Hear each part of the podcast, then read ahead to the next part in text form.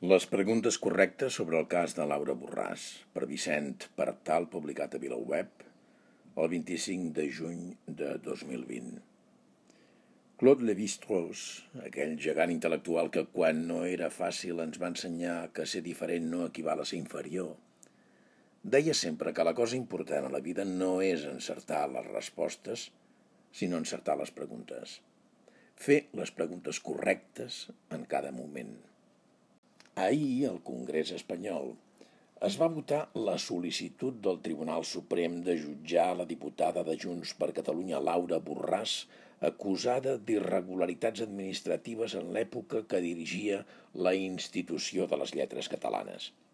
Com era de preveure, tot el bloc nacionalista espanyol, de Vox al PSOE, va votar a favor que fos processada – i Junts per Catalunya es va quedar sola votant-hi en contra amb el suport del PNB i prou.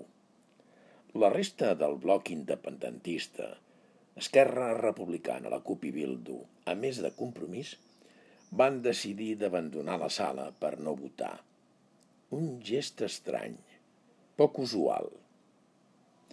Aquest gest ha motivat una reacció d'incomprensió i en molts casos de rebuig que clarament ha superat els límits ideològics o electorals de Junts per Catalunya.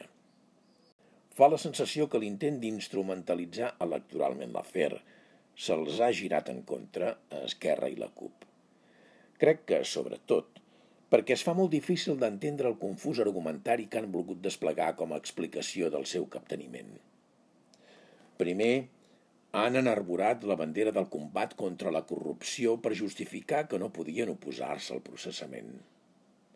Amb això insinuaven encara que, amb molta cura de no dir-ho, que Borràs havia comès unes irregularitats que podrien ser considerades corrupció. Però aquesta és una posició que no és consistent amb el gest d'abandonar l'hemicicle. Si Esquerra i la CUP creuen de veritat i, malgrat tot allò que s'ha explicat, que Laura Borràs és una corrupta, aleshores haurien hagut de votar a favor del processament, no anar-se'n. Anar-se'n és desentendre-se'n. Desentendre's d'un possible cas de corrupció. I com pots presentar-te com a campió de la lluita contra la corrupció 80 anys no sé què i després no anar a totes contra la corrupció, sinó seleccionar quina posició prens d'acord amb l'interès polític del moment? No és gens coherent, això. Després, Esquerra i CUP han dit, per justificar el gest, que el seu vot no era determinant. Un argument irrisori i profundament antipolític. Preocupantment antipolític. Perquè a Madrid gairebé mai qualsevol altre vot que no sigui el del PSOE i el del PP no és determinant. I què hauríem d'entendre si acceptem aquest argument?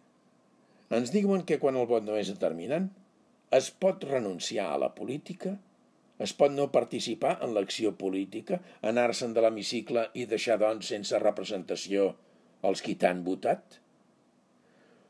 Una variant d'aquest argument ha inclòs el pacte de Junts per Catalunya amb el PSC a la Diputació de Barcelona, indicant que Junts per Catalunya en realitat no hauria de demanar el vot negatiu a Esquerra i a la CUP, sinó als seus socis socialistes de la Diputació.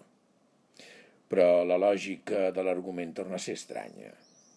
Seria molt raonable i tant, com ho seria, que Junts per Catalunya reclamàs al PSC el vot en contra del suplicatori i estic absolutament d'acord que allò que va passar ahir hauria de demanar el trencament de l'infame pacte a la Diputació de Barcelona. Però per quin motiu això hauria de justificar l'abandonament de l'hemicicle d'Esquerra o la CUP? Quina relació té l'una cosa amb l'altra? Que aquests dos partits no tenen autonomia ni pensament propi. I encara més, aquest argument ens suscita el dubte sobre què hauria passat si el PSC hagués votat que no. Llavors, ells haurien votat que no o se n'haurien anat igualment. I en qualsevol cas, com pots intentar de justificar la teva posició basant-te en allò que farà un tercer? Finalment hi ha l'argument més insòlid de tots i el que crec que indigna més. i amb més raó, és el de parlar del processament de Laura Borràs, com si ella tingués cap possibilitat de rebre un judici just. I així l'embolic de la CUP i Esquerra ja assoleix proporcions grotesques i molt lamentables. Perquè són capaços de dir en la mateixa frase que Borràs no tindrà un judici just, però que ha de donar la cara davant el tribunal i aclarir què ha fet. Seria còmic si no fos tràgic. Si és evident que Laura Borràs no tindrà un judici just, com li pots demanar que comparega? Que no hem après què és la guerra judicial, l'OFAR, i no hem viscut la tasca de decapitar l'independentisme, que manté a la presó mig govern, la presidenta del Parlament i els dirigents de la societat civil i que té en processos diversos prop de mil persones pendents de la justícia espanyola. Alguns dels agitadors mediàtics principals d'amb dos partits que han renunciat a fer política en aquest cas s'han indignat estrepitosament quan algú els ha expressat arguments semblants a aquest, afirmant que és un insult comparar els presos polítics amb Laura Borràs o Laura Borràs amb els presos polítics. L'argument, novament, és incomprensible.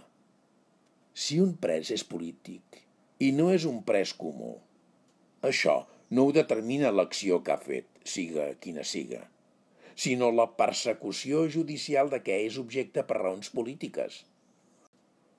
O és que la CUP i Esquerra discutiran ara també una cosa tan bàsica com aquesta? No és què fas tu que et converteix en pres polític.